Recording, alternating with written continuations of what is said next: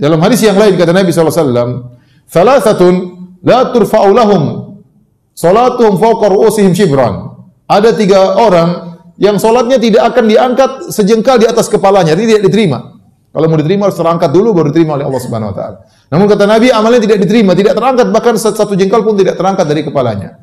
Tiga orang tersebut kata Nabi sallallahu alaihi wasallam di antaranya imamun rajulun amma qauman wa hum lahu karihun. Seorang menjadi imam namun makmumnya enggak ada yang suka sama sama dia.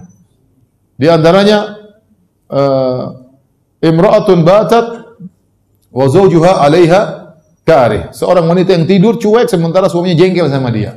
Ya. Mungkin dia aja berhubungan tidak mau, mungkin ngomelin suaminya, pokoknya istrinya salah. Kemudian suaminya jengkel, istrinya cuek saja. Assalamualaikum tidur, suami suaminya bingung ya. Ini tidak diterima solatnya.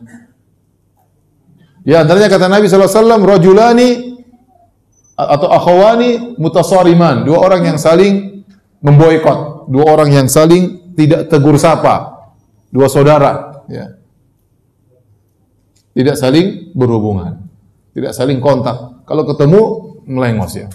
Begitu ketemu yang satu belok ke kanan, satu belok ke kiri. Satu belok ke utara, satu belok ke selatan. Satu ke timur, satu ke barat. Tidak mau ketemu. Kakak adik, ya, sama tante, sama om, terkadang sama orang tua tidak mau telepon-teleponan. Mendahulukan ego. Maka orang ini tidak diterima solatnya oleh Allah Subhanahu wa taala. Dan ini sungguh menyedihkan.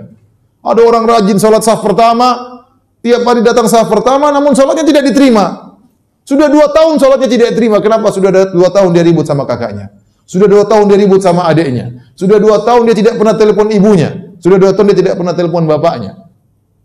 Dua tahun selalu di sahaf pertama, tidak pernah diterima sholatnya. Hati-hati, ikhwan.